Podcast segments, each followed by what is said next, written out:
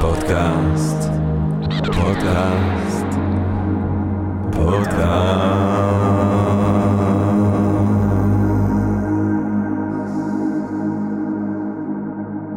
טוב, גבירותיי ורבותיי, ברוכות וברוכים הבאים לפודקאסט שלנו כאן, הספרים הגדולים, הפודקאסט של Think and Make Different והמרכז האקדמי שלם בירושלים. אנחנו רוצים להתחיל עם רגע של הודיה על עצם היש, לעצם המציאות הזאת, שמאפשרת לנו למרות הכל ובהינתן כל אלה להיפגש כאן למען הרחבת הדעת, העמקת הידע, אה, גירוי, אולי סיפוק הסקחנות, אולי רעיון נשגב, מעורר השחאה ככה פתאום, וכולנו ביחד ובעברית. כיף גדול.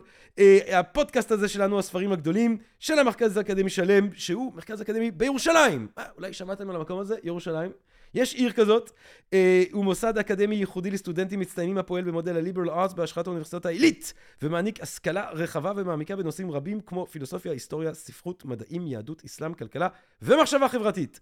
בשלם נותנים משקל רב לקריאה של ספרים, אה, ספרות מופת. אה, מסתבר שקוראים אותם מההתחלה ועד הסוף. פותחים את הספר, קוראים אותו מאלף עד תו. זה מה שקורה במרכז האקדמי שלם, ספרים שלמים.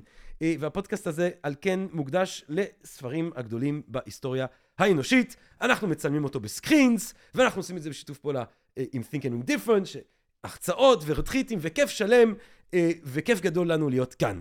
טוב, גבירותיי ורבותיי, אנחנו היום מדברים על חתיכת ספר היסטורי, האמת, והוא כמובן הלוויתן.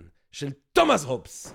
תומאס הובס, 1588, 1679, אני אישית מאוד אוהב את תומאס הובס, אני מרגיש אליו מאוד קרוב מבחינה נפשית, גם אם אני לא מסכים עם כל הדעות הפילוסופיות והפוליטיות שלו. ואולי הדרך מבחינתי ככה לפתוח את השער ללוויתן ולהובס, זה עם הדבר הזה שהוא אומר על עצמו בחיבור הקטן האוטוביוגרפי, Fear and I were born twins together. הפחד ואני נולדנו כתאומים. ובאמת אני חושב שלא רק יש לזה סוג של צידוק לכאורה ביוגרפי, כי לפי האגדה, אימא שלו קיבלה את הצירים כשהיא פחדה, כשהיא הייתה שמועה שהארמדה הספרדית בדרך לכבוש את חופי אנגליה, אז ככה היא הולידה את הבן שככה נולד עם הפחד. הרעיון הזה של Fear and I were born as twins, שהפחד ואני נולדנו כתאומים, משקף, אני חושב, את האמוציה העיקרית שהפעילה את הובס. הפחד הזה. הפחד של מה יהיה אם יש מלחמת אזרחים? מה יהיה אם הסדר שהצלחנו אנו בני אדם לבנות יתפרק וניפול שוב לאיזשהו ברבריזם מטורף? ובהרבה מובנים המחשבה הפוליטית של הובס היא מזור לפחד הזה. איך אנחנו מייצרים יציבות שמוודאה אה, באופן האופטימלי שהסיכויים שנחזור למצב נוראי, למצב הטבע של הובס שנדבר עליו בעוד רגע, אה, לא יתממש.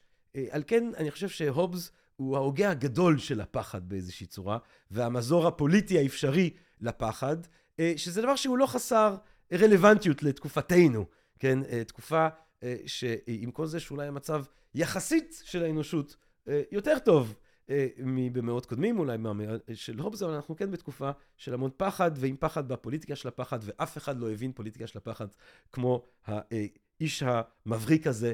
תומאס הובס. כדי לדבר על תומאס הובס, גבירותיי ורבותיי, אנחנו שמחים, מתגאים ונרגשים מאוד לארח כאן בפודקאסט שלנו את דוקטור אסף מלאך, גבירותיי ורבותיי, שהוא מרצה במרכז האקדמי שלם בירושלים, תואר ראשון במדעי הרוח והחברה באוניברסיטה הפתוחה, תואר שני ושלישי בבר אילן, במחלקה לפרשנות ותרבות שם, בתואר, בדוקטורט שלו, דוקטור אסף מלאך חקר את הלגיטימיות של ישראל כמדינת לאום בעידן הפוסט-מודרני, שזה נשמע לי מרתק, אני חייב לומר. נשמח אם מתישהו תבוא גם לדבר על זה. דוקטור אסף מלאך הוא ראש המכללה למדינות בירושלים, הוא חוקר במכון ארטמן, מלמד במרכז אקדמי שלם, מחצה פופולרי, יש לומר מאוד, במרכז האקדמי שלם. יו"ר ועדת המקצוע ללימודי אזרחות מאז 2015. תפקיד קרדינלי ורגיש, ומעניין לראות עד כמה הובס יש בלימודי האזרחות במדינת ישראל. דוקטור אסף מלאך, שלום. או, סליחה, סליחה, סליחה. והדבר החשוב ביותר, הספר היפה הזה, מהתנ"ך ועד מדינת היהודים, גלגולי הלאומיות היהודית והפולמוס הישראלי, שיצא בידיעות ספרים, עם הציור בשער, שהוא יפה וסימבולי, לא פחות אולי מהציור בשער המפורסם ביותר בהיסטוריה של פילוסופיה, שזה של הספר שאנחנו מדברים עליו היום, הלוויתן של תומאס הובס. דוקטור אסף מלאך, דוקטור אסף מלאך, שלום רב. שלום רב, כיף uh, להתארח אצלך בפודקאסט. אתה מביא פה אנרגיה כל כך טובה וחיובית.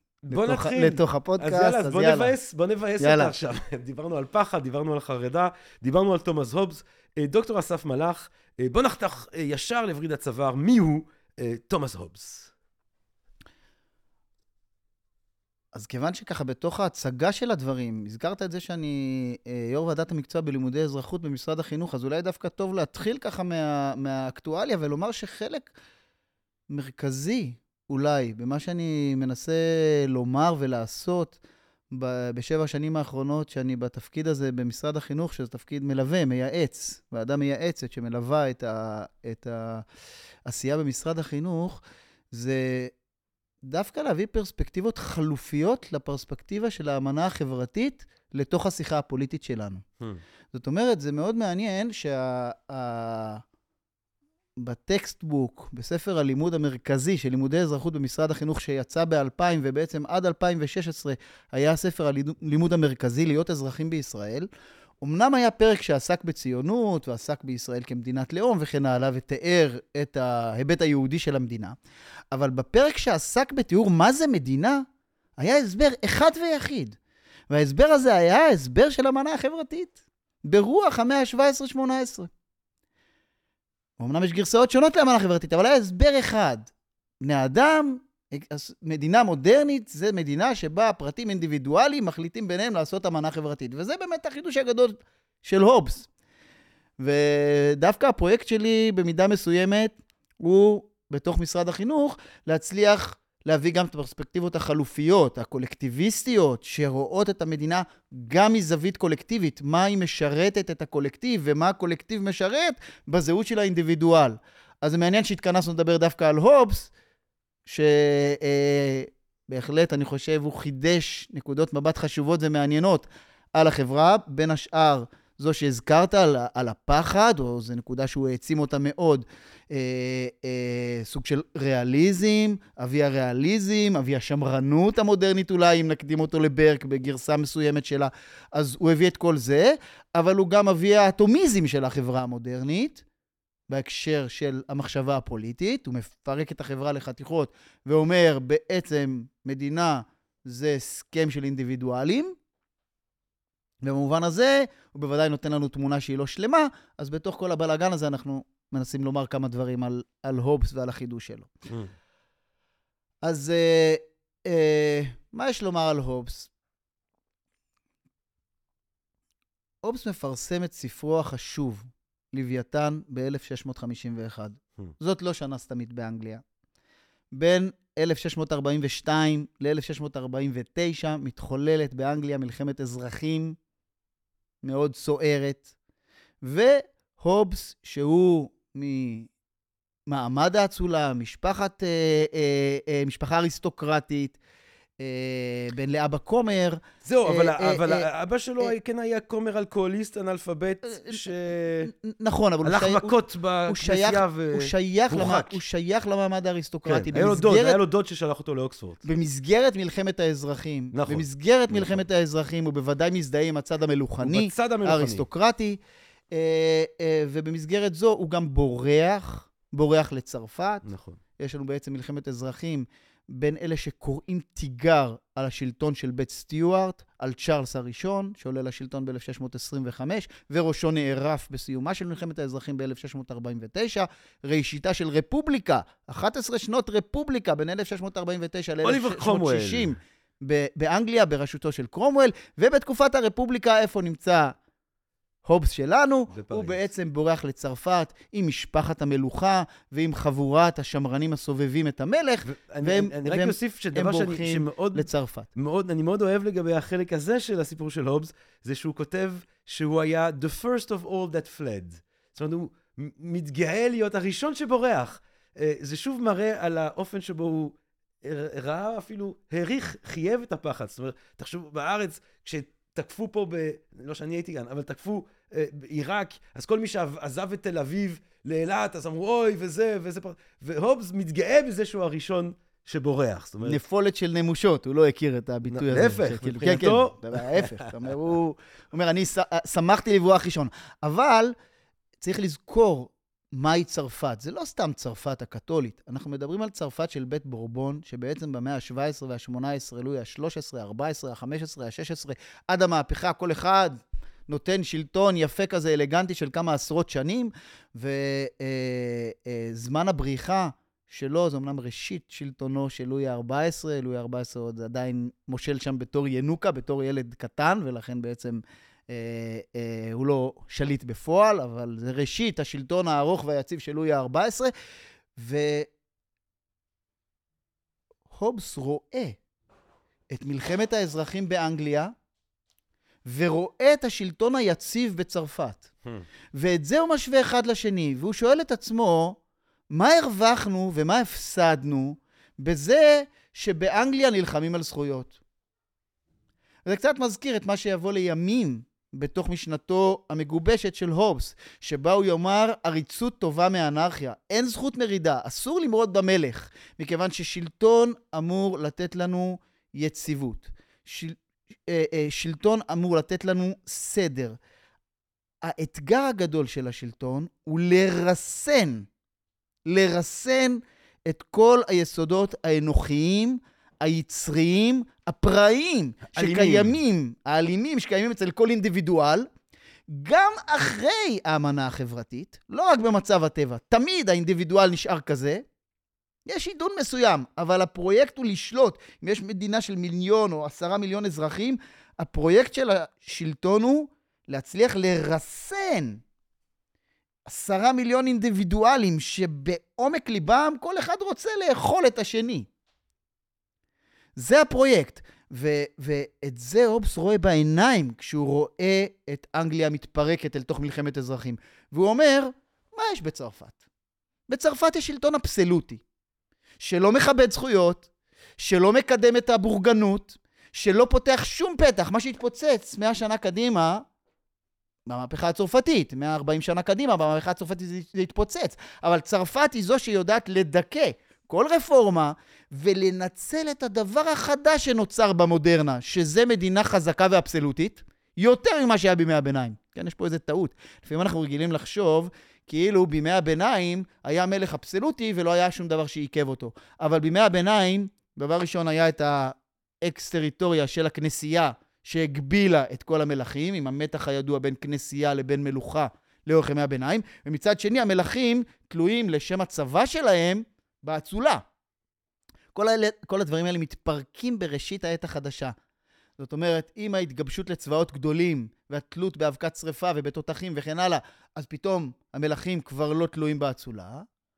ועם ההשתחררות ההדרגתית מהתלות בכנסייה, מלחמת 30 השנים, חוזה וסטפליה, 1648, בעצם יצירת המדינה הריבונית המודרנית, שאיננה תלויה יותר בכנסייה ואיננה כפופה לכנסייה, פתאום המלך נהיה מלך חזק וריבון באופן חסר תקדים. ואז עולה השאלה, מה, איך אנחנו מתייחסים אל העוצמה החדשה של המדינה המודרנית? האם אנחנו אומרים, נלך עם זה, או שאנחנו מנסים להגביל את זה באמצעות מגילות זכויות וכן הלאה, והדברים שיופיעו בהמשך המאה באנגליה. אבל צרפת, עד המהפכה הצרפתית, וגם אחריה, צרפת בעצם מנציחה או מקדשת את התוצר של המדינה הריבונית החזקה, חסרת הגבולות. כזכור, גם אחרי 25 שנות המהפכה הצרפתית ושלטון נפוליאון, ב-1815, רסטורציה, לצרפת תחז... יחזור השלטון האבסולוטי של בית בורבון, וכמו שאמר ויקטור הוגו, אנשי בורבון לא למדו דבר ולא שכחו דבר. זאת אומרת, השלטון האבסולוטי הצרפתי יחזור גם אחרי נפילתו של נפוליאון. זאת אומרת, צרפת היא מייצגת את הדגם שאומר, יש לנו מדינה חזקה, ריבונית, מודרנית, וטוב שכך, וזה ייתן לנו את היציבות. לא זכויות אדם, את זה זה לא ייתן, עד המהפכה ועד עוד הרבה שנים קדימה לתוך המאה ה-19, אבל ריב... יציבות ועוצמה זה ייתן. ואת זה אובס רואה כאשר הוא שוהה בצרפת, אל מול ארצו הקורסת בעקבות מלחמת אזרחים, שמה הם דרשו? זכויות. הם דרשו, בית סטיוארט בא עם הסגנון שהגיע לאנגליה ב-1603 עם מותה של אליזבת המלכה הבתולה ללא יורשים, ואז מחפשים את היורש הקרוב, ומביאים מסקוטלנד את בית סטיוארט. ובית סטיוארט מביא סגנון גם פרו-קתולי, כאשר אנגליה היא בעצם בתקופת אליזבת, כבר הכנסייה האנגליקנית לובשת בצורה מאוד מובהקת אופי פרוטסטנטי, והופכת להיות מגנת הפרוטסטנטים, ובית סטיוארט שמגיע עם ג'יימס הראשון ב-1603 מסקוטלנד, מביא סגנון פרו-קתולי, נמשך אחר כך אל שלטונו של צ'ארלס, השני, אה, צ'ארלס הראשון, גם פרו-קתולי, וב', דבר השני, צריך כסף. ואל מול המסורת האנגלית, שחוזרת את 1215 למגנה קרתא, ואל ההחלטה, תקופת המלך ג'ון הראשון והבר... והברונים, שבעצם מקבלים על עצמם שלא להטיל מיסים חדשים ללא הסכמת הברונים, מה שהופך בצורות כאלה ואחרות להיות סוג של פרלמנט, בעצם לא אמורים לקבל, להטיל מיסים חדשים באנגליה ללא הסכמת הנשלטים, ב, אה, המיוצגים על ידי הפרלמנט, ואילו ג'יימס הראשון ואחר כך צ'ארלס הראשון, מלכי בית סטיוארט צריכים כסף והם מטילים מיסים. אז אמרנו, בלי להיוועץ בפרלמנט, אז אמרנו, הם משנים את הסגנון הדתי של אנגליה מסגנון פרוטסטנטי, של הכנסייה האנגליקנית, מסגנון פרוטסטנטי לסגנון פרו-קתולי, פעם ראשונה. פעם שנייה הם מטילים מיסים ללא היוועצות בעם. הדבר הזה מעורר את זעמם של ההמון שדורשים את זכויותיהם, והובס בא לומר להם דבר אחד, רבותיי, זכויות זה לא העיקר. אל תעשו בלאגן. העיקר זה יציבות. תעזבו אותי מזכויות, אני רק לא רוצה לאבד את האיברים שלי אל תוך מלחמה ואל תוך אלימות. אה, וזה באמת לוקח אותנו אה, אה, לספר הזה, אה, 1651, הלוויתן. אה, והובס גם היה מעורב כמובן, כמו שהשער של הספר שלך הוא יפהפה ומאוד סמלי, ככה השער של הספר של הובס הוא יפהפה, מפורסם ומאוד סמלי. כנראה השער אה, אה, ספר המפורסם ביותר בהיסטוריה של הפילוסופיה המערבית, אה, כי אנחנו רואים את אותו לוויתן עם החרב כלפי מעלה, המטה של הקרוזייר, הבישופ, כלפי מטה, זאת אומרת, הוא משלב אותו ריבון לוויתן שהוא עשוי מהרבה אנשים קטנים, מי שמסתכל על התמונה, משלב בין הכוח הארצי כלפי השמיים, הכוח השמימי כלפי ארץ, זאת אומרת, הוא משלב בין הרשות האזרחית לרשות ה... דתית, כי באמת, אה, זה העניין, נכון, של, של הובס. היציבות הפוליטית, שלא ניפול לכדי אה, מרי, שלא ניפול לכדי אה, אה, אה, אה, אה, אה, מלחמת אזרחים, שזה בסוף המוות בעצם של, ה, של ה, אה, אולי לפני, הזה. אני רוצה, לפני שאנחנו מגיעים ליחסים האלה בין דת ומדינה, אני רוצה לחדד עוד משהו שהוא מאוד חשוב בנוגע לרקע, כדי להבין mm. גם את הרקע, את האווירה המדעית שממנה אובס מגיע, אה, שקשורה במהלך האנליטי החדש שהוא עושה. בעצם הובס שייך לתקופת ראשיתה של המהפכה המדעית, ובעצם אורגנון חדש של בייקון, בייקון. ש, ש, שנכתב בשנים האלה, או קצת לפני כן. כל המהפכה המדעית, גלילאו גלילי, 1610, גילוי הטלסקופ וכן הלאה. זאת אומרת, יש לנו בעצם קריסה לאורך המאה ה-15, 16, של תיאוריה אריסטוטלית ביחס למדעי הטבע, תיאוריה טליאולוגית שמניחה שהטבע מלא רצונות ותשוקות ומהויות ונפשות. והיררכיה. כל זה נמצא בתוך, בתוך, בצורה מאוד מהותית בתוך העולם האריסטוטלי. יש לנו גלגלים וכוכבים ו- וארבע יסודות שמרכיבים את הטבע וכן הלאה וכן הלאה, והכל מלא, כל דבר משתוקק לחזור אל המקור שלו. המים והאדמה יורדים למטה כי הם משתוקקים לחזור למקורם, האש עולה למעלה כי היא משתוקקת לחזור למקורה. כל גלגל, הגלגלים זה מין גלדי בצלים שהכוכבים נעוצים בהם, והם משתוקקים כל אחד אל המדרגה הרוחנית שמעליו, וכולם משתוקקים, האל המניע הבלתי מונע שזה האל.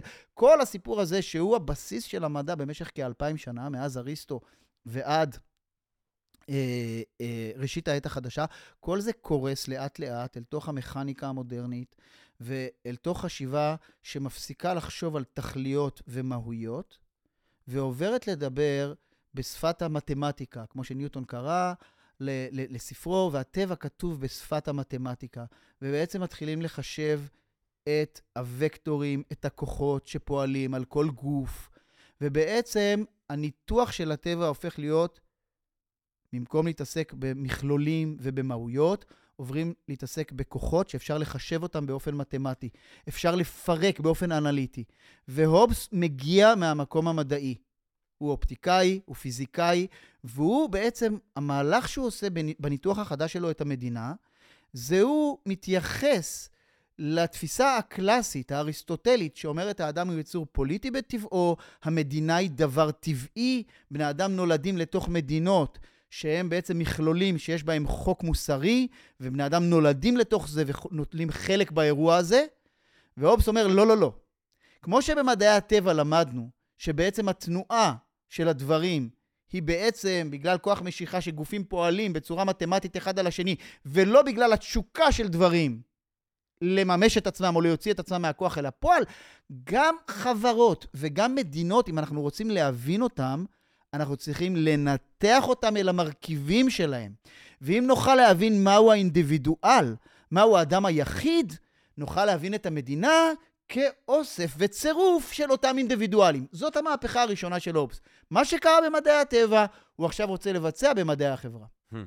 שהרי החיים אינם אלא תנועה של איברים, הוא כותב אה, במבוא המרשים של אה, כל כך של לוויתן, שבאמת משקף את החשיבה המכניסטית הזאת עם התיאור שלו של החלקים של המדינה כאל חלקים של גוף מלאכותי. כי אני חושב בדיוק כמו שאתה אומר, דוקטור מלאך, שבעצם אם במדעי המדינה הקלאסי המדינה היא טבעית, היא, היא גוף מדיני אצל אפלטון ממש, היא המדינה שאליה אנחנו נולדים באופן טבעי, כמו שאמרת אצל אריסטו. בלוויתן, או כבר גם לפני זה אולי אצל מקיאוולי, אבל בלוויתן של הובס, המדינה היא מלאכותית. זאת אומרת, היא ניסיון מלאכותי של בני אדם לצאת ממצב הטבע. אני חייב לומר ביחס למקיאוולי, מקיאוולי הוא לא פילוסוף והוגה דעות בסדר גודל של הובס. זאת אומרת, זאת אומרת, מקיאוולי... דיס קשה כאן על מקיאוולי. כן, מקיאוולי בעיניי הוא הוגה פוליטי. הובס הולך הלאה מזה. הובס שואל את שאלות היסוד. מקיאוולי, בחיבורים הגדולים שלו, הוא פילוסוף פוליטי. מה שמעניין אותו זה להבין את המדינה. ולכן כן. הוא אבי הציניות של הוא אבי היועצים האסטרטגיים. הוא אבי של מה שאנחנו אומרים פוליטיקה, כשאנחנו אומרים פוליטיקה כמשהו שאנחנו לא רוצים, אז, בדיוק, אז זה מתחיל אצל ניקולו. זאת אומרת, מקיאוולי כן. הוא אבי היועצים האסטרטגיים. הוא לא אבי הפילוסופים הפוליטיים, אבל הוא מבריק, בעיניי. אבל הוא מבריק. זה יפה, בסדר, הוא נוצץ. אבל, והוא גם קורא תיגר גדול, אבל, אני חוזר ואומר, הוא אבי היועצים האסטרטגיים. הוא אלה שבאים להסביר איך מנצחים פוליטיקה.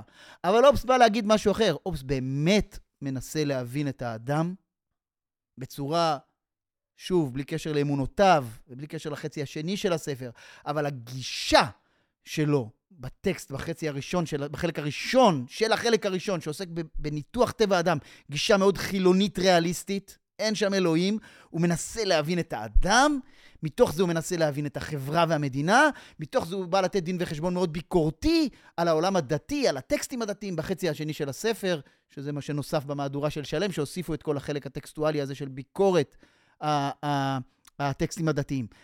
במובן הזה הובס הולך הרבה הלאה מאשר מקיאוולי.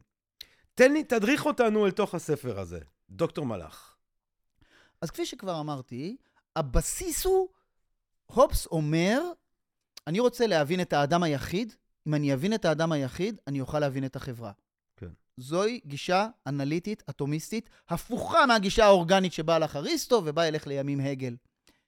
גם זה מעניין, כי, כי אצל אפלטון עוברים, כדי להבין את הצדק, עוברים מהאותיות הקטנות לאותיות הגדולות, נכון, נכון. מהאינדיבידואל לעיר מדינה, קודם תבין את העיר מדינה, ואז בזכותה אפשר להבין את האינדיבידואל. נכון, אבל אצל, אצל הובס זה הולך הפוך, והובס אומר לנו ככה, אנחנו צריכים להבין את האדם במצב הקדם מדיני שלו, ובעצם הוא פה תובע את המונח הזה של מצב הטבע. או, מצב הטבע שלו. מה שלימים יחזרו הגרסאות האחרות והמאוד מאוד שונות של האמנה החברתית, בין של לוק ובין של רוסו, הגרסאות המפורסמות, ובין של אחרים, מונטסקיה ושפינוזה ואחרים שבמאה ה-17 וה-18 רבים מאוד נוקטים בגישה הזאת ובתפיסה הזאת של אמנה חברתית, וכל זה כמובן יהדהד אל, אל תוך המאה ה-20 ואל ההוגה הפוליטי המשפיע ביותר במאה ה-20, ג'ון רולס, שבעצם רואה את עצמו כגרסה מודרנית ועכשווית של אמנה חברתית. אז יש המון גרסאות של אמנה חברתית, וכולם, כולן, חוזרות אל הסיפור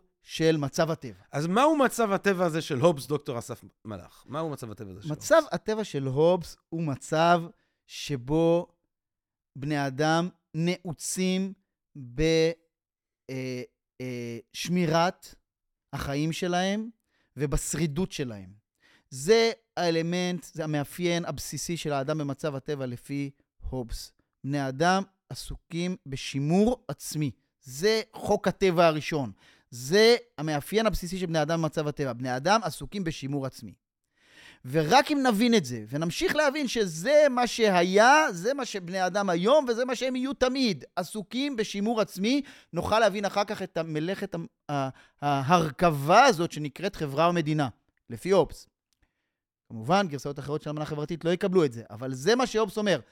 בני אדם עסוקים בשימור עצמי. אבל אופס הולך למעלה מזה, ממשיך מעבר לזה, ואומר, מנתח בצורה מעניינת, ששוב, אני חושב שהיא לחלוטין לא ממצה את האדם, אבל היא לחלוטין מאירת עיניים ביחס לא- לאופן שבו הוא מתאר בני אדם. והוא מתאר את זה שבני אדם עסוקים בשימור עצמי, אבל הם גם רוצים את הגאיון, מה שהוא קורא. הם רוצים את תחושת הגאווה, את תחושת ההצלחה. תחושה, ותחושת הישות שלהם מגיעה מזה שהם מרגישים שהם יותר מאחרים. זה ניתוח פסיכולוגי מרתק. בני אדם מרגישים שהם משהו כאשר הם יותר מאחרים. והדבר הזה אומר שהמחלוקות בין בני אדם, והמלחמות בין בני אדם, והמאבקים בין בני אדם, לא נעוצים רק בשאלת השימור העצמי. זה לא רק שאין מספיק מים, ואין מספיק אה, אה, מנגו, ואין מספיק מערות שיספיקו לתת לכל בני האדם מאכל ומשתה ומסתור ומגן. לא. גם כשיש מספיק, בני אדם רוצים לנצח את זולתם כדי להעצים את תחושת הישות שלהם. אז זה הבסיס שגורם לזה שבמצב הטבע לפי הובס, בני אדם נלחמים זה בזה ללא הרף. זה אה, אה, סוג של דילמת האסיר? אה, אה, וגם אני חושב שיש פה תיאור מאוד בריטי אה, בפרק י"ג על המפורסם, שאומר, גם אם אה, אומרים שהמזג אוויר לא משהו, לא כי כרגע יורד גשם, אבל אתה יודע, בצורה מאוד בריטית, אתמול ירד גשם, גם אם עכשיו יש רגע בסדר, אתה יודע שמחר ירד גשם, ואז אתה אומר, טוב, המזג אוויר לא משהו.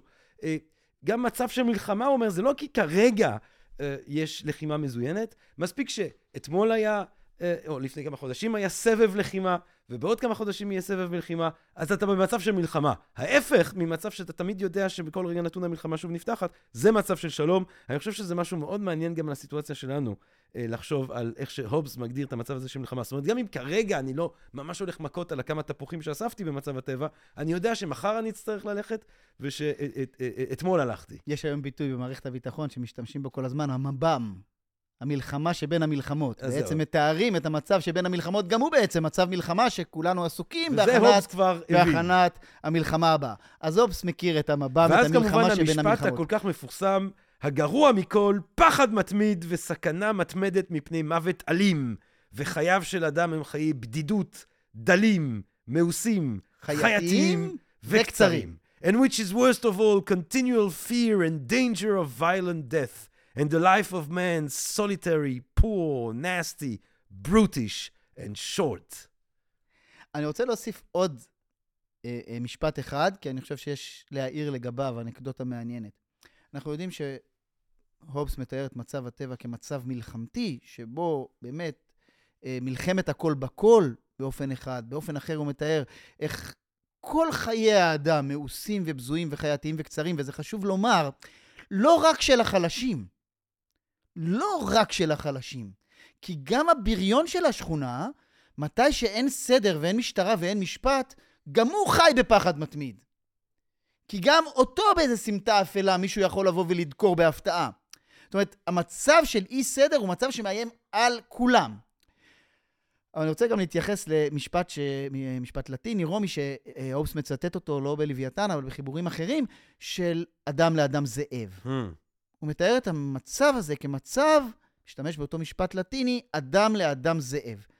ואני רוצה להעיר על העניין הזה, שחוקרי מלחמות בעצם הסבו את תשומת ליבנו שהמשפט הזה הוא משפט מופרך, שבו אנחנו מניחים שזאבים כן. הם באמת חיים באיזושהי לוחמה הדדית, למרות שאין שום מין בטבע, אין שום מין בטבע שהביא את המלחמה הפנימית בין בני אותו מין לכדי אותו שכלול הזוי, מוטרף, שבו בני אדם חיים. זאת אומרת, זה עושה עוול לזאבים שחיים בהרמוניה. בוודאי, ברור שמתי שיש איזושהי השחתה מאוד קשה בתוך עדר הזאבים, הם אומרים, הגענו למצב שבו זאב לזאב אדם, כי רק בני האדם הם יצורים שבאמת חיים בלהקות אדירות שנלחמות זו בזו, וחיות בחימוש מתמיד ובמרוץ חימוש שכל כולו היערכות של התנגשות של להקת בני אדם אחת בלהקת בני אדם שנייה. אה, אה, גלגל החיים ומעגל החיים בטבע הוא מאוד אכזרי מנקודת מבטנו, שבו מינים חזקים אוכלים את החלשים, אבל אותו מין עצמו לא נלחם. זאת באמת המצאה אנושית Hmm. מיוחדת. ואותה הם, אה, הובס מזהה, והוא אומר, זה מצב קטסטרופלי, שכפי במשפט הזה שתיארת, המפורסם, בני אדם במצב הטבע, בגלל אותו טבע מלחמתי, כל הזמן רוצים לאכול אחד את השני. ולכן הדרך היחידה, הנס שקרה לבני אדם. הובס מתאר את זה כסוג של נס, שהושיע אותנו מתוך האבדון הזה של מצב הטבע, שבו בני אדם רוצים לאכול אחד את השני, הוא צו התבונה. והצו הראשון של התבונה, אומר הובס ומצטט את הפסוק בתהילים, בקש שלום ורודפהו. בקש שלום ורודפהו. זה הצו הראשון של התבונה. האמת אבל, אני, אם כבר תהילים, נחזור שנייה לבראשית, חשוב גם לציין עד כמה שהתיאור הזה של מצב הטבע של הובס אה, שונה לחלוטין מאיזשהו דמיון תנכי של גן עדן ראשוני אה, שממנו נפלנו. המצב הטבע הוא מצב נוראי, מזעזע, אה, שאנחנו רוצים לצאת ממנו, וטיב האמנה חברתית הרבה פעמים אה, קשור לאיך שאתה מדמיין את מצב הטבע. כן, צריך לומר שבעצם בין הגרסאות המפורסמות של האמנה החברתית, הובס הוא הפסימי מכולם בתיאור מצב הטבע, וממילא, כמו שאמרת, זה משליך על האופי של המדינה, של המצב החברתי, שאותו הוא מתאר. מצב הטבע של הובס הוא הפסימי ביותר. אם נשווה אותו ללוק, שיבוא במחצית השנייה של המאה ה-17 באנגליה, ויתאר לנו את מצב הטבע כמצב שבו האל ברא את בני האדם כבעלי זכויות טבעיות, ולכן הם חיים בכבוד הדדי. ויש כמה איים של כאוס בתוך המציאות האנושית, אבל גם במצב הטבע האינדיבידואלי, בני האדם הם בעלי זכויות טבעיות שמכבדים זה את, את הזכות לחיים, לכבוד ולקניין של הזולת. ואם נלך לגרסה המפורסמת השלישית של האמנה החברתית, של רוסו, שמתאר את הפרא האציל, שאומנם לא כמו לוק, לא מדובר על איזושהי המשגה של זכויות אה, ואיזשהו מוסר מנוסח, אבל מדובר על איזושהי ספונטניות של חמלה, שבני אדם חיים באיזושהי חמלה חייתית כמעט כלפי זולתם, פרא מצד אחד, בלי השכלה ובלי הם, אה, ערכים מנוסחים של מוסר ושל אסתטיקה. אבל נשגבת מוסרית בהרבה בחינות מהחיים התרבותיים. בוודאי, אבל עם איזושהי ספונטניות של חמלה ושל אה, אה, פתיחות אל הזולת. זה מצב הטבע של רוסו ושל לוק. הובס, ריאליסט, ובמובן הזה הוא באמת ריאליסט או פסימיסט? ריאליסט, מכיוון... סליחה. מכיוון שהמצב הזה מתואר על ידו כמצב א-מורלי. הוא לא מתאר את זה כמצב של רוע, מכיוון שבמצב הזה אין מקום לשיפוט מוסרי. זה כמו שאנחנו לא שופטים בעלי חיים על ההתנהגות שלהם, בזה שהם אוכלים את המינים הקטנים מהם או החלשים מהם, מכיוון שזאת המציאות שבתוכה הם חיים, ואין להם בכלל מודעות מוסרית ושיפוט מוסרי.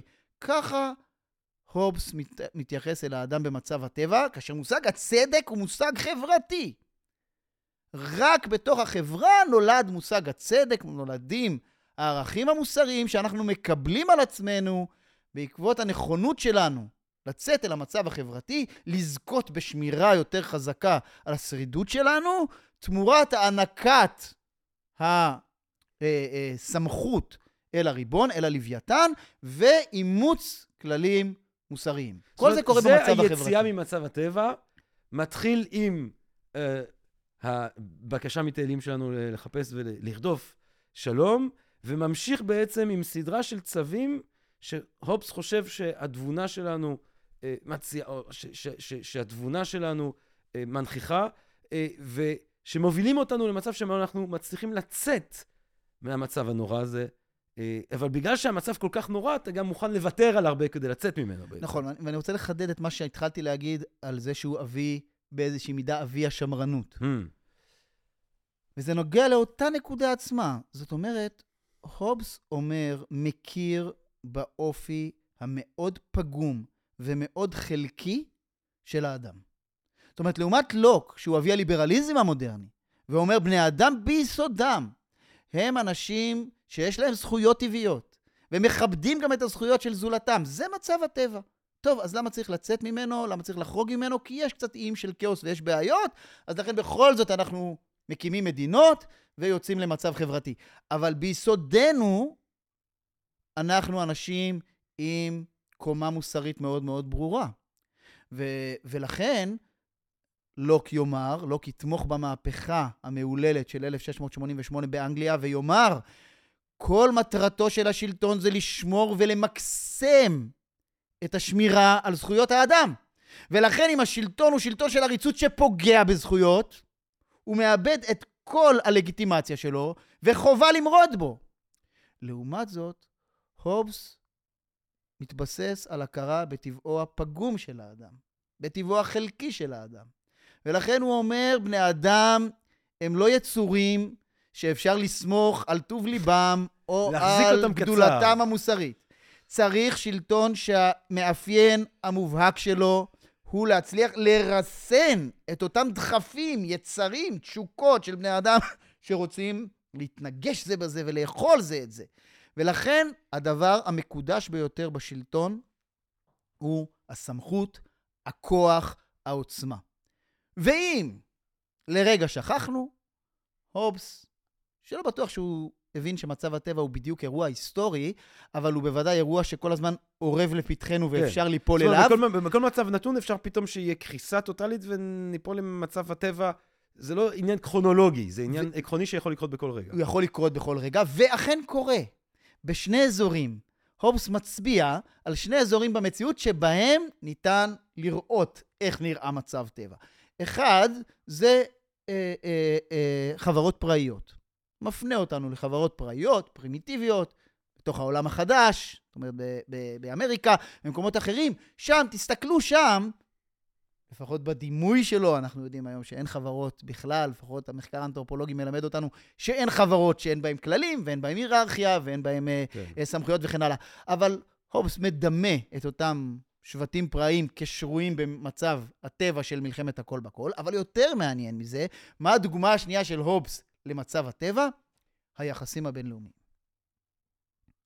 הובס אומר, איפה אין ריבון? איפה אין את אותו לוויתן שהענקנו לו סמכות על? ביחסים הבינלאומיים.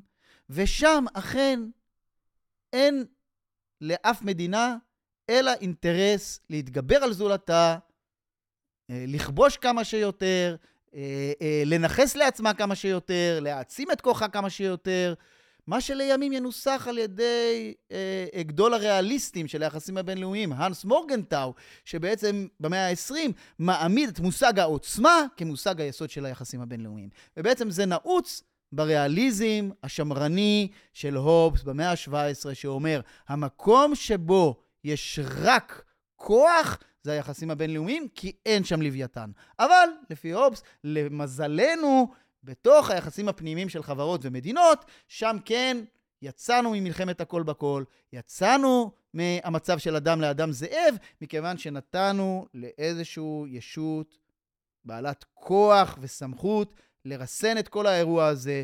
היא לא תמיד תשמור על כל הזכויות, לא נרוויח את מלוא הזכויות שמדמיינים הליברלים, אבל לכל הפחות יהיה סדר. בעצם אנחנו מתחילים לראות את התמונה הפוליטית. אה, בעקבות הדברים שלך, דוקטור אסף מלאך, מצב הטבע שהוא מצב נוראי, של מלחמה של הכל בכל, שבו החיים הם מבאסים מאוד. בני אדם מבינים שכדאי להם לצאת מהדבר הזה, כדי לצאת מהדבר הזה אני צריך להיות מוכן לוותר על מה שאני מבקש ממך שאתה תוותר, וככה אנחנו מגיעים למצב של חוזים, וככה אנחנו מגיעים למצב שבו אנחנו מרכזים את החוזים הזה ללוויתן הגדול, הריבון, ששולט גם על הרשות האזרחית, גם על הרשות הדתית, כדי שימקסם את היציבות, אה, וכל זה הובס מסביר לנו בצורה מאוד משכנעת. אה, אחר כך אנחנו נסכים, לא להסכים, אבל בצורה מאוד ברורה, מאוד זה. אבל מה שהספר היפה הזה שלנו אה, בשפת הקודש כאן בהוצאת שלם, עם העורך, פרופסור מנחם לורברבוים, תרגם את זה יפה, אהרון אמיר. מה שהתווסף לגרסה הזאת, גם מעבר לבהירות שלה וה, ולכיף של לקרוא בה, אה, זה גם החלק השני בעצם, או חלק שלוש וארבע, של הלוויתן, שבו פתאום תומאס הובס, שכמו שאני אוהב תמיד להגיד, נראה לי הרבה יותר התעניין במשחקי הטניס אה, מאשר בכנסייה או באמונה דתית אה, פנימית, אבל פתאום הוא עוסק בתנ"ך ובפרשנות מקראית. פתאום הוא נהיה לנו רש"י, תומאס הובס. למה? טוב, אז, ל, ל, ל, ל, אז באמת, זה חלק מאוד חשוב בספר לוויתן, שבאמת בהרבה גרסאות, מוזנח. גם בארץ וגם בעולם, אפילו לא הדפיסו אותו, זה מחצית מהספר שבכלל לא הודפס, שבו, אה, אה, גם בהוצאת מאגנס בעברית, בעצם זה אחד החידושים של ההוצאה של שלם, שבעצם תרגמה את כל המכלול של הספר הזה, לוויתן. ובעצם הובס יוצא שם למסע שלא משנה כרגע מה אמונותיו האישיות של הובס, ברור לחלוטין מה האינטרס או מה האתגר הגדול שניצב בפניו. הובס נמצא במצב שבו הטקסטים הדתיים שמכוננים את התודעה הציבורית בתקופתו, בעצם מדברים על מלכות השמיים. אולי מונח היסוד של האבנגליונים, של הברית החדשה הנוצרית, זה המושג של מלכות השמיים. ישו בא לבשר את מלכות השמיים. ומלכות השמיים זה אירוע פוליטי, זה מלכות. אז מה היחס בין מלכות השמיים לבין המלכות הארצית? אז זה בעצם האתגר שעומד בפני הופס, אתגר שעמד, אגב, גם בפני בני דורו. שפינוזה, למשל, עושה גם כן איזשהו מסע ב... אה, אה, באמסטרדם, בהולנד, אחרי מלחמת העצמאות ההולנדית, בעצם שהולנד מבססת את השלטון החדש שלה, העצמאי שלה, אה, מהספרדים, וגם שם יש ויכוח על מקומה של הדת, האם בעצם אחרי שהפרוטסטנטים ההולנדים נרדפו, הם צריכים עכשיו להקים שלטון פרוטסטנטי דתי, או שהם צריכים לתת חופש דת. ושפינוזה טוען טיעון מקביל לטיעון שינסה לטעון... במאמר התיאולוגי מדיני, 1670. כן, אז הוא טוען טיעון מקביל לטיעון של אה, הובס בחצי השני של לוויתן, שבו הוא אומר, המדינה שאנחנו חיים בה היום היא מדינה ריבונית חילונית, ואת הסמכות צריך לתת לריבון הארצי החילוני. והעניינים הדתיים הם מלכות השמיים, זה נושא רוחני, שבמצב העכשווי לא צריך להיות לו מקום והשפעה על הפוליטיקה. עכשיו, אבל אני חושב שבא... זה מה שאמר שפינוזה, זה מה שיאמר הובס. ואני רק אומר, הובס בשביל זה יוצא למצע, למסע מאוד ביקורתי, הוא בעצם נחשב לאחד מאבות ביקורת המקרא המודרניים, הוא מבקר את מושג הנבואה, הוא מבקר את הטקסטים הדתיים, גם של התנ"ך, זאת אומרת, מה שהוא קורא הברית הישנה, גם, גם של הברית החדשה, ועושה בעצם מסע מאוד מקיף ושיטתי, כדי לבסס את הטענה הזאת, שיש לה הרבה מאוד השלכות, איך בעצם לנסות לנסח את הפרויקט הזה של מלכות השמיים כפרויקט ששייך במובן פוליטי אל העבר ואל אחרית הימים, אבל בעצם מפנה מקום בתוך ההוויה העכשווית אל הריבון החילוני הארצי בתור ריבון מוחלט, שאיננו כפוף גם למוסדות הדת. זה הפרויקט. כי אני חושב שבמקרה של שפינוזה, אה, אני חושב שזה סוג של גאונות אירונית. זאת אומרת, במאמר התיאולוגי-מדיני הוא כל הזמן מצטט מהמקרא ומהתנ"ך, ומי יודע יותר מקרא, אה, או מי יודע יותר ברית ישנה, כמו שאומרים, משפינוזה, אה, והוא כל הזמן מצטט ממנה, בעצם כדי, בצורה לגיטימית, לחתור מתחת לסמכות אה, שיש למקרא בתרבות שלו. זאת אומרת, אתה חי בעולם שכדי שיקבלו את מה שאתה אומר, אתה צריך לבסס את זה על כתבי הקודש, אז הוא יבסס גם אם הוא אומר משהו שחותר מתחת לכתבי הקודש, הוא יבסס את זה על כתבי הקודש. אתה חושב שהשימוש, אה, ש... איך היית מאפיין את, האופ... את היחס של הובס אה, לכתבי הקודש? הוא אומר את מה שהוא רוצה לומר, ואז הוא כבר ימצא איזושהי אה, אסמכתה בכתבי הקודש, או יש איזשהו יחס אה, שונה שם? דבר ראשון, הוא, הוא, uh, צריך לזכור שהספרו של הובס, הוא, הוא, הוא לא היה אהוב גם על ידי בית סטיוארט. זאת אומרת, גם המלכים של זמנו לא אהבו אותו. אבל הם לא אהבו אותו, מלכי אנגליה, למרות שהוא הקדיש להם את הספר, אה, אה, הם לא אהבו אותו מכיוון שהוא ביסס את הלגיטימציה של השלטון שלהם, וכאמור, הוא ביסס אותו במלוא העוצמה. הוא אכן אמר, המלכים אמורים להיות ריבון מוחלט, וזו הדרך היחידה לשמור פה על סדר, ואסור למרוד בהם, גם אם מפרים את זכויות האזרחים. עריצות טובה מאנרכיה, צריך לתת להם את מלוא הכוח. לכאורה הוא נתן להם הכל, אז למה הם לא היו מרוצים? בגלל שצריך לזכור מה החלופה. הם היו רגילים לזכות האלוהית של המלכים. זה שיש להם זכות דתית, זכות אלוהית, לשלוט. בא הובס ומציע להם צידוקים רציונליים, שהם באים כדי למנוע את הקטסטרופה של, ה, של הכאוס של מצב הטבע. הם העדיפו לשמור על הזכות האלוהית של המלכים, ולכן הם העדיפו, למשל, את ספרו של אה, אה, רוברט פילמר, פטר, אה, פטריארכה, שגם יצא לאור בהוצאת שלם, שבעצם מבסס על ספר בראשית את הסמכות האלוהית של המלכים. אז אם כן, המלכים לא אהבו את ספרו של הובס, אבל הם לא החרימו אותו. Hmm. הכנסייה במחצית השנייה של המאה ה-17 לא אהבה אותו כדי כך, עד כדי כך שהיא החרימה אותו. מכיוון שהובס קורא את המקרא ואת הברית החדשה הנוצרית בצורה מאוד חילונית וביקורתית. הוא לא, הם האשימו אותו באתאיזם. הוא לא כופר באופן מובהק במציאות האל, הוא לא עושה את הפעולה הזאת. כן.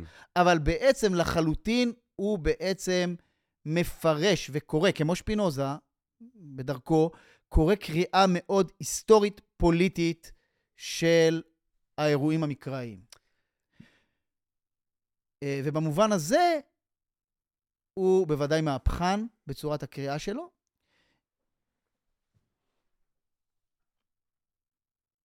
וזה דבר שהוא יותר חשוב אולי משאלת האמונות האישיות שלו. השאלה עד היכן הגיעה קריאת התיגר שלו כנגד הטקסט המקראי. אני, אני רציתי להזכיר בעניין הזה איזשהו הקשר יהודי, או, או את הנקודה היהודית. הובס והשאלה היהודית, מתוך, חייבים. מתוך, מתוך, מתוך העניין הזה.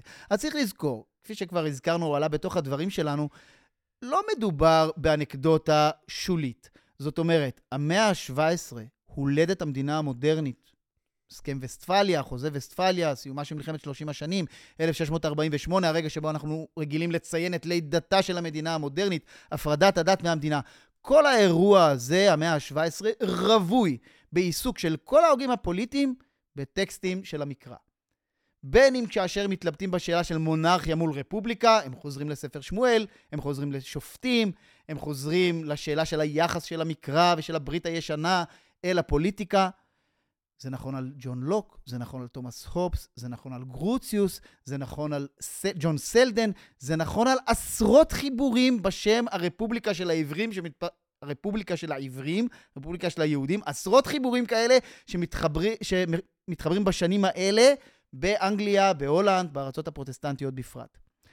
אז כל התופעה הזאת, מה שנקרא היבראיזם פוליטי, והעיסוק בטקסטים העבריים, עם התחייה של הרנסאנס והחזרה במאות הקודמות אל הטקסטים הקלאסיים, אז גם חוזרים ללמוד עברית, לקרוא את המקרא, ובמחשבה הפוליטית המודרנית, לידתה של המדינה המודרנית, כרוכה בעיסוק מאוד אינטנסיבי במקרא, וצריך לומר, לא פחות מזה, בתלמוד, ברמב"ם, הוגים אירופאים הבולטים ביותר מחשבה פוליטית, חוזרים על הטקסטים היהודים ומנסים לשאוב משם השראה למחשבה פוליטית עדכנית. איפה אובס נכנס בתוך העניין הזה, ומה יש לו לומר על היהודים? אז כפי שאמרנו, הפרויקט הפוליטי שלו הוא בעצם לטעון שמלכות השמיים זה סיפור שלא רלוונטי למדינה המודרנית.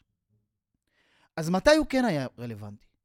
או מתי הוא יהיה רלוונטי? או בעבר הרחוק, או בעתיד הרחוק. הוא זורק את הרלוונטיות אל העבר הרחוק ואל העתיד הרחוק. ופה הוא עושה מהלך... How convenient. זה רק, רק לא עכשיו, רק לא עכשיו. אז בשביל לעשות את זה, אז בסדר, אז כשתתגלה מלכות השמיים, אז בסדר. נגיע אז, לגשר. נגיע לשם, ואז בסדר, אז אה, אה, אלוהים ישלוט ויהיה בסדר. בינתיים יש, יש בידול. אבל מה הוא אומר על העבר? וזו נקודה מעניינת, כי היא מחזירה אותנו לסיפור היהודי. אובס מנתח, ושוב בדומה לשפינוזה, את הרגע של מעמד הר סיני כרגע של אמנה חברתית, שבו בני ישראל עשו אמנה חברתית מיוחדת. מה היה מיוחד באמנה החברתית של בני ישראל? שמי הוא הלוויתן שאותו הם מינו למלך עליהם? הוא ולא אחר. הוא ולא אחר, אלוהים. נכון. זאת אומרת, המלך של בני ישראל הוא אלוהים. והדבר הזה מייצר מדינה מיוחדת במינה, שבה יש אחדות מאוד עמוקה ואינהרנטית בין הדת לבין המדינה. זאת מדינת העברים של הובס, היחידה שבה אכן צריך להיות, או אמור להיות קשר, מבחינת הרציונל המבני שלה, בין דת למדינה, ובה בני האדם הם פטריוטים בגלל שהם אדוקים, והם אדוקים מכיוון שהם פטריוטים. שזה הסבר שמנדלסון לחלוטין אה, מאמץ, ועם כל הביקורת שלו על הובס המאוד חכמה, בחלק הראשון של ירושלים, שהוא מפרסם ב-1983, בחלק השני, אה, הוא ממש מתאר את המדינה נכון, היהודית. הוא מתאר בדיוק אה, את הדבר הזה. כן. אגב, גם קאנט מתאר אותה. קאנט מתאר אותה לשלילה. אבל אני חושב שכאן מתאר אותה טיפה יותר שפינוזיסטית מאובזיאנית א- אולי. אני רוצה לחדד באיזה מובן קאנט מתאר, למה האמירה הזאת עצמה יכולה להיות מאוד חיובית ומאוד שלילית? הרי בעצם זה בא מהקריאה הפוליטית של הרמב"ם.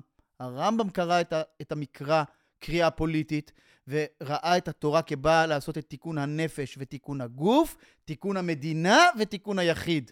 זאת אומרת, הרמב"ם כבר התחיל במהלך הזה, ובעצם כל החלק השלישי של מורה נבוכים, זה טקסט שבעצם הרמב"ם כבר עושה את השידוך הזה שבין ה... של. של קריאת התורה כחוקת מדינה. שפינוזה למד את הרמב"ם, את מורה נבוכים, ולקח ממנו את הרעיון הזה, ומתייחס אל התורה כאל משהו שבא לבסס את הפוליטיקה ואת השלטון, ולכן הוא אומר, צריך לומר, לכן אומר שפינוזה, כאשר היהודים יצאו לגלות ואין להם פוליטיקה, לא צריך לשמור מצוות. Hmm. ולכן שפינוזה מצדיק את זה שהוא בעצם עובר על חוקי התורה ומוחרם על ידי הקהילה באמסטרדם, והוא אומר, די, כשאנחנו בגלות, אנחנו, לא- אין לנו סיבה לשמור את המצוות. המצוות זה ארגון חברתי חוקתי. בגלות אין לו משמעות. ואז הוא מוסיף את אותו משפט מפורסם שאהבו בן גוריון וחסידי הציונות, והוא אומר, אני לא שולל את האפשרות שביום מן הימים האל יבחר... לולי יסודות אמונתם לא היו מחלישה את נפשותיהם. אז אולי האל יבחר בהם מחדש, ואז הם יחזרו לארצם עם כל החוקה הזאת וכל הברדק הזה. אז, אז שפינוזה מניח את האפשרות הזאת. בכל מקרה יש לנו כאן מסורת של קריאת התורה וחוקי התורה, תורת ישראל, כחוקה פוליטית. קאנט, בתורת המוסר המאוד טהרנית שלו, שבה כל עשייה מוסרית שאיננה באה מעומק הלב האוטונומי, ובאה ב- ב- ב- על ידי צו אטרונומי, בין אם זה חוקי המדינה, בין אם, בין אם זה חוקי הדת, זה לא נחשב עשייה מוסרית. ולכן, קאנט בספרו, עם, אה, אה, הדת בגבולות התבונה בלבד, בעצם עושה את סולם הדתות. כמובן, הוא מציב בראש את הפרוטסטנטים עם ההפנמה הגדולה של העניין המוסרי והדתי, פחות מהם הקתולים. ואיך הוא מתייחס ליהדות, קאנט? בעיני קאנט, היהדות אפילו לא דת. היא איננה דת בכלל. כן. למה היא לא דת בכלל? בגלל שהיא חוקת מדינה. על מה היהודים חולמים, אומר קאנט. הם חולמים לשוב לארצם ולהקים את חוקת המדינה שלהם. זה מה שהם באמת רוצים. ולכן זה בכלל בעצם לא שייך אל הסיפור הזה של דת שעוסקת בפנימיות, ולא עוסקת בחוקת מדינה. אבל, כזכור, כאמור, הובס באמת אכן תיאר, כמו רבים אחרים בתקופתו, תיאר את ייחודה של מדינת העברים כאיזשהו סוג של קשר מיוחד, שבו אמנה חברתית שלא ממנה ריבון ארצי, אלא ממנה את אלוהים בתור המלך, וממילא מייצרת זיקה מעניינת ומיוחדת בין דת לבין מדינה. אני רוצה ככה לקראת הסיום של השיחה, אה, שלי לפחות היא מרתקת, אה, דוקטור אסף מלאך, אה, לקשור שוב בין הקשר המעניין הזה, בין היותך מרצה אה, בפילוסופיה פוליטית ומתמחה גם בין השאר בהובס, לבין יו"ר ועדת המקצוע ללימודי אזרחות אה, במדינת היהודים, אה, בישראל, בארץ הקודש שלנו. אה, מה הרלוונטיות, אתה חושב? הנה, הספר היפה הזה שיצא בשלם, לוויתן של תומאס הובס, מה הרלוונטיות של הלוויתן של הובס אה, ללוויתן שקוראים לו אה, ישראל? אה, מה הרלוונטיות של הספר הזה אה, בזמן ובמקום שלנו? טוב, זאת שאלה באמת מעניינת. אני חושב ש... אה, נקודה אחת שהייתי לוקח מהובס היא באמת היסוד של הזהירות. כמו שאמרתי, הובס הוא אבי הריאליזם, הזהירות הפוליטית, אל תמהרו לשנות. אחד מהאבות הקדומים של השמרנות. הוא לא נחפז באמון שהוא נותן באדם. שאנחנו רואים גרסאות ליברליות, פרוגרסיביות, בצורות שונות בתוך העולם המודרני, שמאמינים שאפשר לפרק את כל הסדרים ויצמח מכל זה משהו טוב. אבל כפי שקאנט לימד לימים, למרות שהוא היה ליברל גדול, שמבול העיקש, העץ העיקש הזה שנקרא האדם, רק לעיתים נדירות יוצא משהו ישר, צריך הרבה זהירות לפני שמפרקים. לפני שמפרקים את המוסדות החברתיים הקיימים והיציבים, למרות שהם פגומים, למרות שהם חלקיים, למרות שהם לא נותנים לנו את הכל, צריך גם לראות כמה חלקיות ולפעמים אפילו רוע מצויים וחבויים מתחת, וכמה שאתה מפרק מהר וחושב שיהיה נורא בסדר, ובעצם העמדה המהפכנית אה, אה, בפוליטיקה, היסוד שלה זה המחשבה שבעצם הרוע תלוי בהבניה. הוא לא תלוי בטבע האדם, הוא תלוי בהבניה שגויה של החברה. ואם נבנה בצורה חדשה,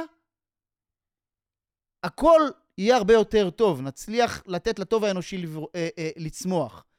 ואני לא מאמץ את הפסימיות השמרנית, הריאליסטית של הובס עד תומה. אני, זה לא, לא, לא תפיסתי. אני, החשיבה שלי מאוד אריסטוטלית, אני חושב שהיסוד הפוליטי, הארת הפנים של בני אדם זה לזה, כמו שהובס מתאר בפרק על הידידות, הפרק המופלא על הידידות, הפרק השמיני של האתיקה הניקומחית, הוא יסוד מאוד חשוב ויסודי, בצד אותם צדדים אפלים שקיימים באדם, קיימת גם אותה פתיחות של ידידות ושל אה, אה, אה, טוב אנושי שקיים, שקיימים בנו. אבל הזהירות הזאת, שעליה הובס מצביע, היא משהו שאנחנו צריכים בוודאי לקחת. זה נכון בתוך המדינה, ביחס למוסדות חברתיים ופוליטיים, שאנחנו נשענים עליהם ואוהבים כל כך לקרוא תמיד בעין ביקורתי ולבקר, וזה נכון בהקשר של היחסים הבינלאומיים. אני אוהב להביא את הדוגמה שאנחנו רואים מול עינינו באביב הערבי, נכון, גם בתקופתו של חאפז אסד האב וגם בתקופתו של אסד הבן, סביר להניח ששמירה על זכויות האדם בסוריה לא הייתה מיטבית, ובזה צודקים המהפכנים ואלה שקראו לאביב הערבי ועשו... ו... אבל באותה תקופה, סביר להניח שבדמשק יכלת לשלוח את הילד כן. שלך לחוג ג'ודו, וגם ללכת למכולת ולקנות חבילת ופלים. ו... זה כל המורכבות כאן, אני לא אקח... וכאשר אתה פותח את תיבת הפנדורה, ומנסה לפרק את כל הסדרים, לפעמים גם אתה פותח את שערי הגיהנום. אני חושב שבאמת הדוגמה של סוריה זה דוגמה שהובזה היה אומר, אתם רואים? זאת אומרת, תראו, מדינה שבה הייתה אמנם דיכוי אה, פוליטי אה, ודתי אה, קשה, אבל יציבות. מה אתה מעדיף? המצב הזה שבו אנשים אוכלים אחד את השני ברחובות, כמו שראינו לצערנו. מצד שני, אנחנו גם רואים במציאות הטכנו-פוליטית של היום, אנחנו, אני חושב שדוגמה ללוויתן, הלווייתני ביותר באיזושהי צורה, זה נגיד המשטר בסין. אה, כולל גם השימוש בטכנולוגיות שהובס מן הסתם לא יכול היה להעלות על הדעת, כדי לדכא, כדי לשמר את היציבות הזאת, האובססיה הזאת של סין עם יציבות, שאגב, אה, גם שם יש את הזהירות הזאת, נכון? המשפט המפורסם, אה, תנהיג מדינה גדולה כפי שאתה מטגן דגים קטנים, זאת אומרת, לא, ב, לא בקיצוניות, בלי תנועות חדות מדי, אבל זה מוביל למשטר שהוא כן מאוד מאוד מדכא. זאת אומרת, האם אנחנו... עם, ועם כל ההערצה שלי להובס והשותפות שלי לתחושת החרדה הבסיסית, שקודם כל, תנו לי לח, לחיות את החיים שלי בשקט, ובלי שזה ייגמר עם זה שירצחו אותי או יחתכו אותי לחתיכות, אבל האם אנחנו בכל זאת לא יכולים קצת לקוות לכן זכויות? האם אנחנו לא בכל זאת אולי אמורים גם לשאוף מוסרית יותר אה, משהלוויתן המפלצתי הזה של הובס מציע לנו? אז אתה מעלה פה את נקודת הביקורת, ואולי נקודה שטוב לסיים בה. זאת אומרת, יש לנו בוודאי ביקורת גדולה על החוסר הזה במשנה של אובס. כי כמו שאמרתי, למרות שהוא תמרור אזהרה, שתמיד טוב יהיה בפנינו, על אותם צדדים פגומים באנושות, ועל זה שאי אפשר לצפות ליותר מדי מהאדם ומהחברה האנושית, אבל מצד שני מותר לצפות גם ליותר, ואי אפשר להסתפק, והחברה המודרנית אכן הצליחה להביא את החשיבה הפוליטית ואת המסגרת הפוליטית גם להרבה יותר מזה. וכן הצליחה, סליחה, להשריש בתוך הסדרים הפוליטיים והמשפטיים שלנו גם את הדאגה לזכויות האדם במובן הרבה יותר מרחיק לכת מאשר שמירה על הקיום, כפי שהביא אל השיחה לוק. אבל אז, אז זאת ביקורת אחת שהיא בוודאי נכונה, בוודאי אנחנו מסתכלים היום בעין מאוד מאוד זרה ומנוכרת למשטרים טוטליטריים ולמשטרי עריצות, משטרים סמכותניים, שעלי התאנה שלהם, האובסיאני, הוא תמיד לחזור ולומר, אתם יציבות. לא יודעים מה היה פה קורה בלעדינו. אני רוצה לגעת בנקודת ביקורת נוספת, או בכתם רורשך, או בנקודת עיוורון נוספת של אופס, שהיא הנקודה שעליה עמד הגל, ואחר כך עמדו ההוגים הלאומיים. הובס לא מכיר בכלל את המדינה כזהות. הוא לא מכיר את המדינה כסיפור.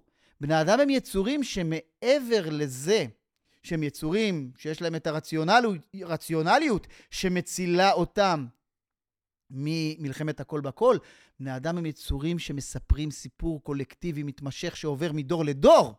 ואת זה ההוגים הלאומיים ידעו להביא לתוך הסיפור של המדינה, ולא הובס ולא לוק, שידע להביא את הזכויות, אבל לא ידע להביא את הסיפור. וגרסה אחרת, הגרסה ההגליאנית, שלא מביאה את הסיפור, אבל מביאה את הרציונליות ואת המוסריות שקיימת בבני אדם אל תוך הסיפור הקולקטיבי של המדינה. אז אובס חידד מאוד, וטוב שהוא יעמוד מול עינינו, את האינדיבידואל האנוכי, הכמעט אכזרי, שעומד ביסודו של כל אזרח, אבל הובס לא זכר להביא גם את הצדדים האחרים אל תוך ההסבר של מהי מדינה, מה הציפיות שלנו ממדינה, שכוללת גם אלמנטים של סיפור, אלמנטים של זהות, אלמנטים של לאום, אלמנטים של אה, הישגים תרבותיים משותפים, שאותם בני אדם רוצים להביא לידי ביטוי גם דרך המדינה וגם דרך הסיפור הלאומי והמדינתי. Mm. איך כל הצדדים האלה חיים ביחד, זה אותו אתגר שבו הצבת לפתחי, גם בלימודי האזרחות, גם בתוך הסדרים הפוליטיים, איך מייצרים את האיזונים האלה של המדינה ככוח, המדינה כזכויות, המדינה כקולקטיב ציבורי וחברתי, והמדינה כמספרת ומשמרת ומטפחת, זה אה, סיפור משותף. דוקטור אסף מלאך, תודה רבה לך שבאת אלינו כאן ופתחת לנו את השער הזה אה, להובס, ללוויתן. אה, הנה הספר היפה, אה, עורך מנחם לורברבו עם תרגום אהרון אמיר, תומאס הובס, לוויתן, וגם ספר יפה, אם דיברת על אולי כל מה שהובס היה מפספס לו הוא היה מנתח את הסיפור הפוליטי היהודי, מהתנ"ך ועד מדינת היהודים, גלגול הלאומיות היהודית והפולמוס הישראלי, בידיעות ספרים של דוקטור אסף מלאך. מי שרוצה עוד קצת הובס בכיף, יש הרצאה שעשיתי לעלמה, פוליטיקת הפחד של תומאס הובס שנמצאת ביוטיוב.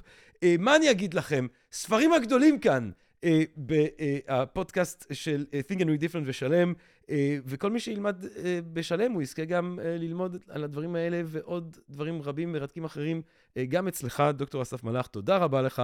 תודה רבה לכם, לקהל הקדוש שלנו, מקווה מאוד שנהנתם מהפרק הזה, מהפחקים שכבר הקלטנו, מאלה שבעזרת השם נקליט בהמשך. מה אני אגיד לכם בינתיים? רק יציבות פוליטית, במובן ההובזיאני, שלא ניפול לכדי מלחמת אזרחים חס וחס, אבל אולי גם קצת זכויות לא... של... אולי קצת גם לא פה ושם, אולי כמה זכויות, אה, שגם זה, אה, נזכה גם את זה אולי לחוות. ובעיקר המשך ההתעניינות הפילוסופית המרהיבה הזאת, שאתה משקף בצורה כל כך מרתקת. תודה רבה לכם. תודה רבה לך, ג'רמי. לכבוד ולעונג היה לי. כיף גדול. תודה רבה לכם. רק בריאות ואהבה רבה, ונשתמע. פודקאסט, פודקאסט, פודקאסט.